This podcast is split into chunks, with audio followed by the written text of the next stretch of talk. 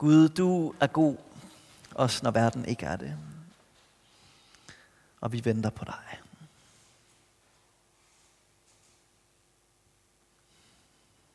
Amen.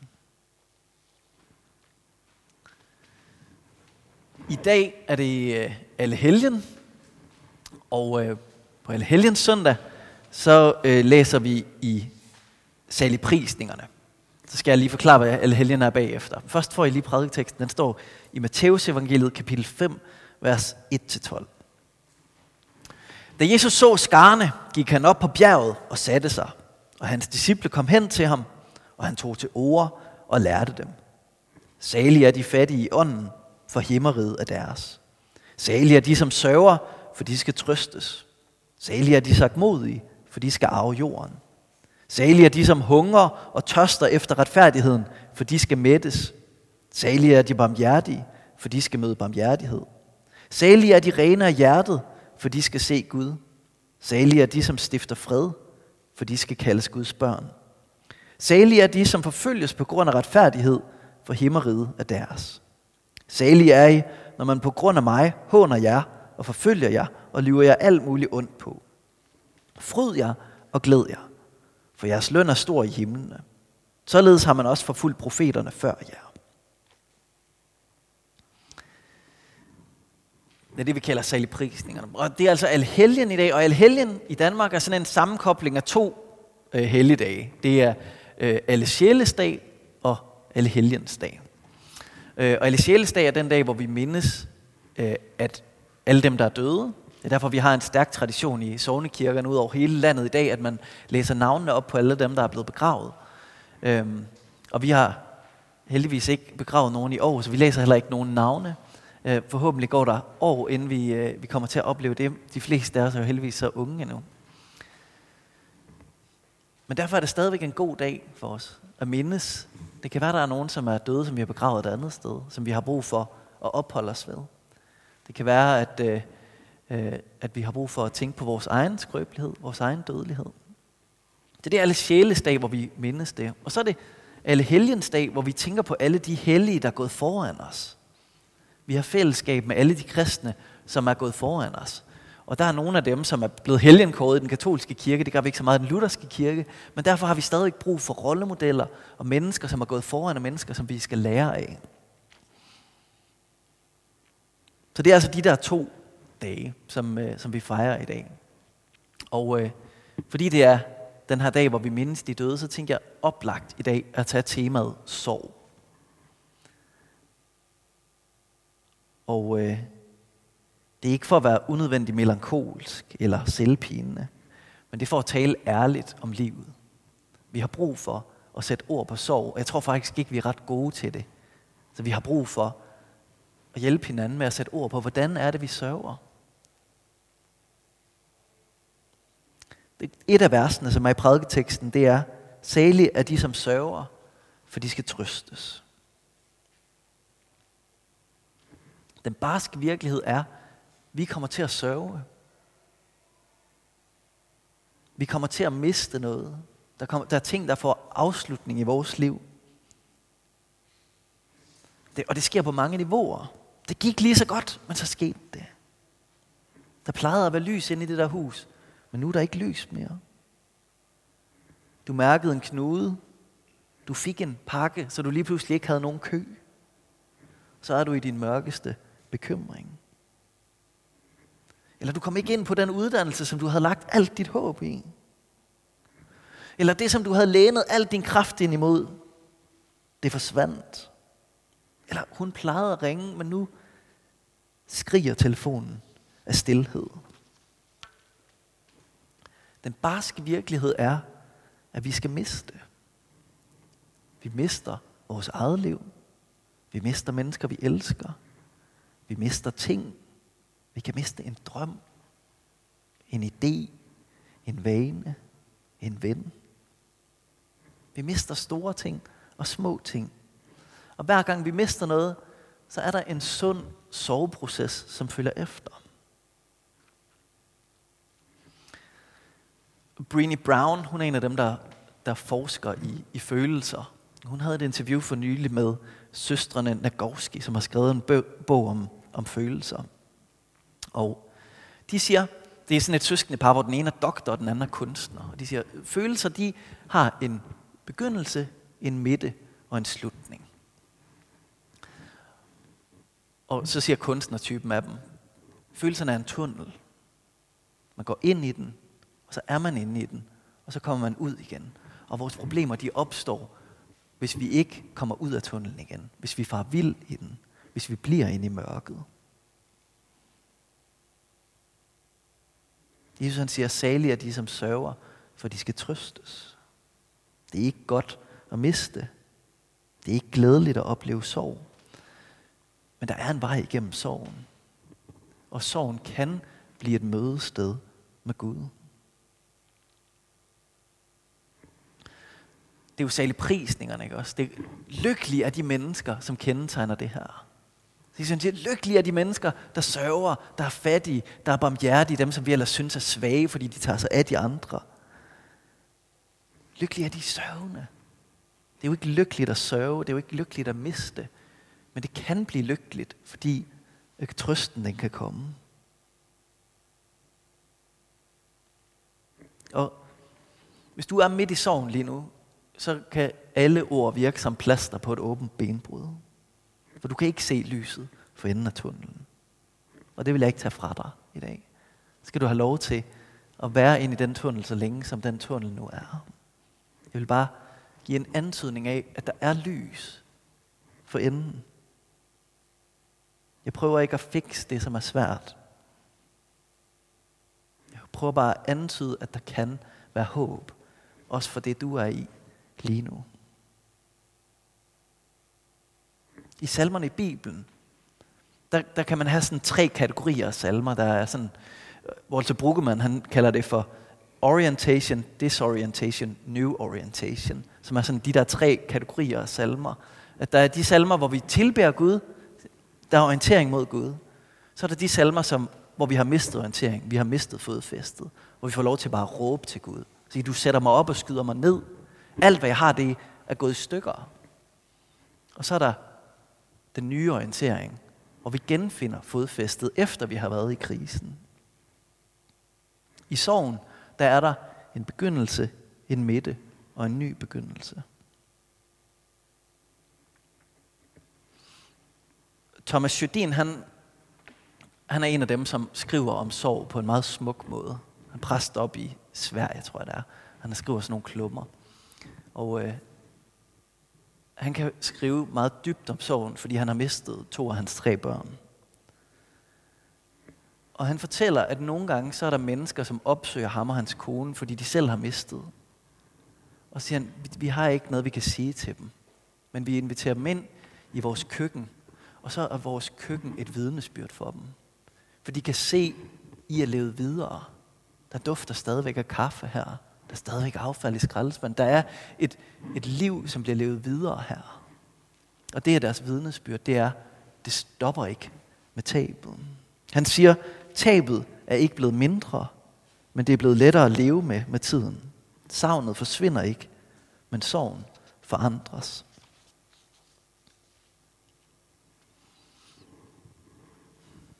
Jeg hørte en, en præst, der, der talte med en rabbiner nede i Israel, og, og de var begge to bekendt med det her billede af, at livet det er ligesom, øh, noget af tiden er vi i Ægypten, noget af tiden er vi i ørkenen, og noget af tiden er vi i det nye land. Det er sådan Israels historie kort fortalt. Også. Der er de der tre perioder. I Ægypten var de i fangeskab, så blev de befriet, så var de ude i ørkenen i ventetid, i mellemtid, og så kom de til det nye. Og så spurgte ham præsten, rabineren, hvor lang tid er vi egentlig i hver periode? Og han var amerikaner, ham præsten, så rabineren han sagde, I er så sjove, I amerikanere. I tror, I skal leve det meste af jeres liv i det nye land. Men vi ved godt, os rabiner, også nede i Mellemøsten, at vi har måske 10% i fangeskab og 10% i forvirring og i ventetid, og så 10% i det nye land.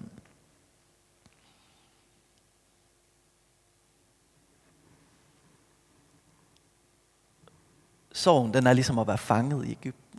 Og der kan være en lang periode, hvor vi ikke er direkte i traume mere, men hvor vi stadigvæk er i en venteperiode, indtil at den nye begyndelse den kommer. Og nogle gange kan vi sikkert opleve, at vi er alle tre steder på én gang. Følelserne har en begyndelse, en midte og en slutning. Og en del af sorgen, det handler om at være okay med at være i midten af det. Et andet billede, vi har i Bibelen på det her, det er jo vores påskeberetning om, at Jesus han døde på et kors, og så var der lørdag, og så opstod han igen.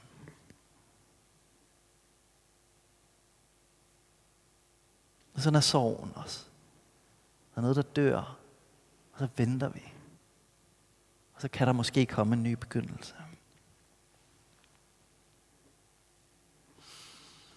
Jeg har lært af Carsten Isaksen i en bog, han skriver om, om sådan noget med følelser. Han skriver, at følelserne altid er legitime. Sorgen har sin berettigelse. Det har været vigtigt for mig, når jeg synes, jeg sørger over noget, som jeg tænker, det burde jeg være hævet over.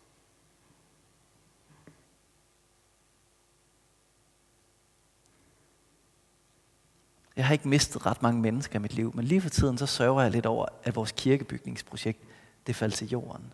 Det havde jeg lænet mig meget op af. Det havde jeg virkelig satset på. Sådan, også i min indre verden. Og så gik, faldt det til jorden, og så tænkte jeg, jeg burde ikke, det burde ikke betyde så meget for mig, det her. Men det gjorde det.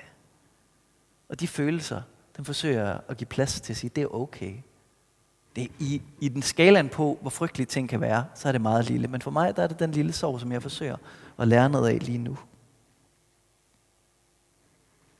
Og sige, det kan godt ske, at jeg ikke burde være der, men det er jeg. Og så skal jeg igennem det. Når vi tillader følelserne at være der, så kan vi gøre det andet, som Carsten Isaksen han siger, det er, at vi føler følelserne, at vi giver dem et navn, at vi tapper dem for information, og så vi giver slip på dem igen.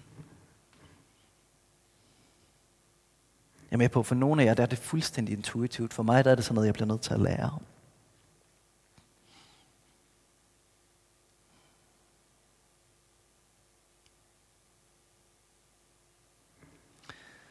Og hvis vi går ind i det, så kan vi måske også komme derhen, hvor vi kan begynde lære det, som Gud han vil lære os midt i den sorg, som vi nogle gange har. Sandsynligvis, så hvis vi virkelig har smerte, så får vi ikke et svar på, hvorfor smerten er der. Men det kan godt ske, at vi kan få lov til at lære noget om, af Guds godhed og Guds kærlighed alligevel midt i den smerte. I salme 119, vers 71, så står der, det var en lykke for mig at blive ydmyget, så kunne jeg lære dine love. Igen, ydmygelsen er ikke god, men han siger, han kan beskrive sin ydmygelse som en lykke, fordi der lærte han Gud at kende.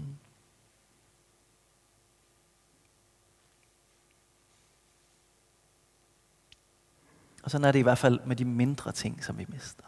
At vi kan komme derhen, hvor vi siger, åh, jeg kan, jeg kan godt se, hvad den her ydmygelse, hvad den her smerte, den egentlig lærer mig om Guds godhed. Jesus han siger, salige er de som sørger, for de skal trøstes. Og når han siger det, så henviser han til sådan en gammel profeti, som alle dem, der lyttede til ham, de kendte. Fra Esajas kapitel 61. Og da Jesus han ligesom slår sin programtale an i Lukas evangeliet, så læser han de vers op. Og de lyder sådan her. Gud, Herrens ånd er over mig, fordi Herren har salvet mig. Han har sendt mig for at bringe godt budskab til fattige og læge til dem, til dem, hvis hjerte er knust. For at udråbe frigivelse for fanger og løsladelse for lænket. For at udråbe et nådeår fra Herren og en hævndag fra vor Gud. For at trøste alle, der sørger.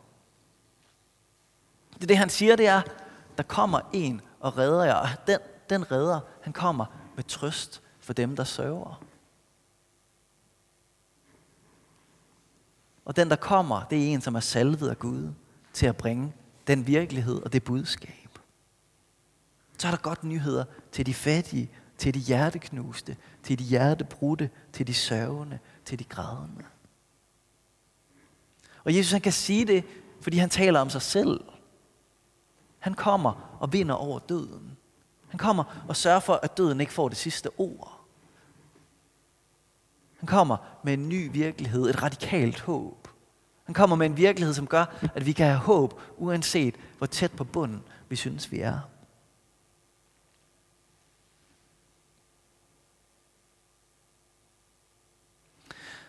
Og her midt i coronatiden, som giver alle mulige nye anledninger til sorg, ting, der bliver aflyst, ting, der ikke blev, som vi regnede med, mental sundhed, der er under pres, bekymringer, følgevirkninger ud over hele kloden, dem, bliver, der bliver syge, som vi mister, dem, som vi kender, der mister deres job. Midt i al den sorg, som vi rammes af lige nu, så skal vi måske minde os selv om, hvad er det for en Gud, vi tror på?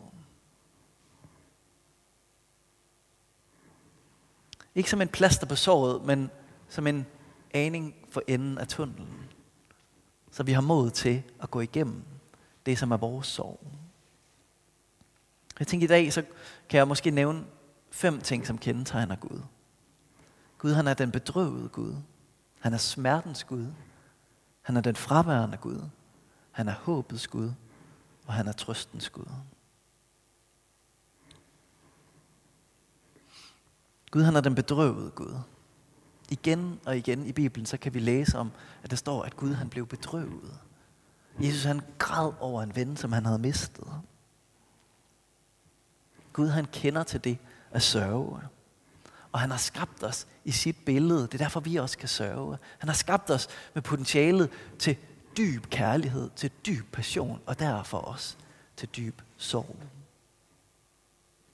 Gud, han er selv den bedrøvede Gud. Og Gud, han er også smertens Gud. På korset, der blev han hængt op.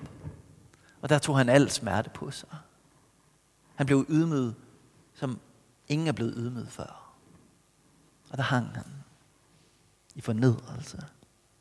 Og i Hebræerbrevet, der står der, at fordi han var der, så kender han også vores smerte. Og så kan han møde os i vores smerte, uanset hvor dyb den er, for han har selv smagt på den, han har selv set den. Og det betyder, at vi kan dele vores smerte med ham. Sorg, det kan være utrolig isolerende. Men der er en, som ikke skal anstrenge sig for at forstå, hvad det er, du går igennem. For han har selv været der.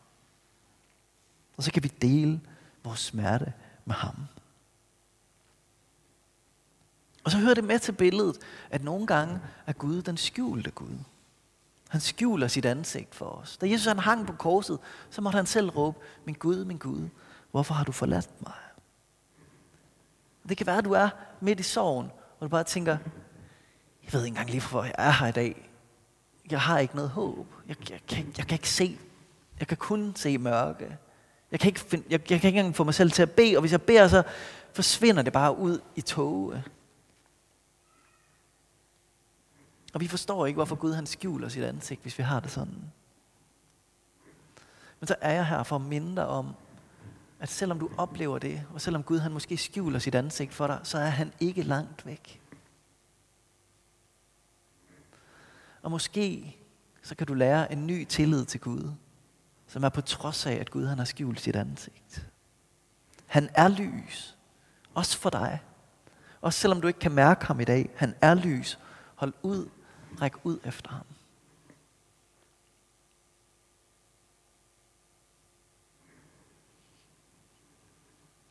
Og så er Gud håbets Gud.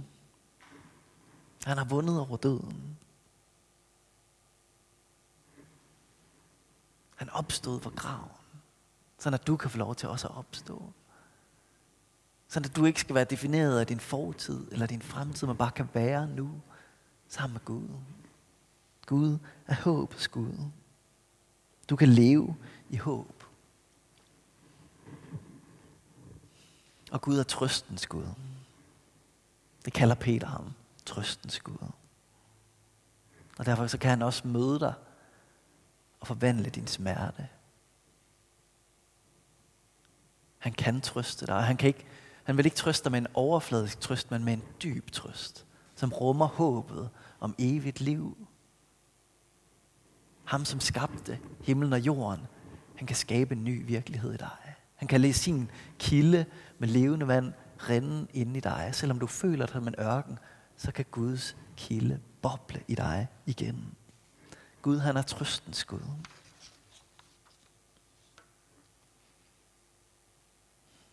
Salige er de, som sørger, for de skal trøstes. Vilfred Stinesen, han karmelitter munk, og han holdt retræter igen i Sverige op frem til 2013, hvor han, hvor han døde. Og I et interview, som jeg læste i den her uge, så skriver han sådan her. Jeg har en idé. Jeg ved ikke, om jeg våger at skrive det. Vi lever i svære og forvirrede tider. De fleste mennesker er trætte og slitte og lider af komplekser og neuroser. I sådan en tid lader Gud en ny hellighedstype træde frem. En, der ikke består i det, den katolske kirke gør, når den helgen kår. Men en hellighed, der består i en accept af egen svaghed. Det er i min fiaskoer, at jeg mest af alt kan møde Gud. Når jeg stiller mig midt i min svaghed og råber til Gud om barmhjertighed, så kommer jeg Gud nær. Det er i min fiaskoer, at jeg mest af alt kan møde Gud. Når jeg stiller mig midt i min svaghed og råber til Gud om barmhjertighed, så kommer jeg Gud nær. Salige er de, som sørger, for de skal trøstes. Salige er de, som stiller sig midt i deres svaghed og råber til den barmhjertige Gud, for så kommer vi Gud nær. Lad os gøre det nu.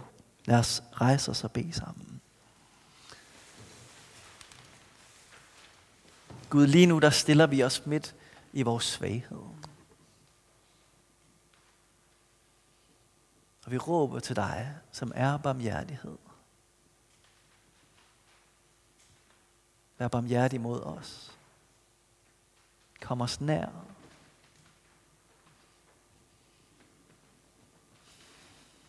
Mød os, Gud. Tag os igennem sorg og tab. Og lad os opleve, at der er en anden side. Der er en ny begyndelse. Der er en ny virkelighed. Og lad os leve med, at, at tabet ikke bliver mindre, men at sorgen den forandres. Og Gud, der hvor vi er gået i stykker, så gør os hele. Og der hvor vi har sorg, der må du helbrede os, Gud.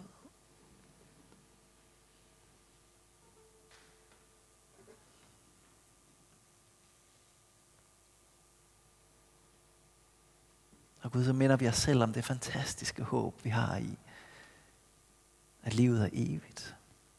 Og vi bliver lovet, at vi skal være sammen med dig.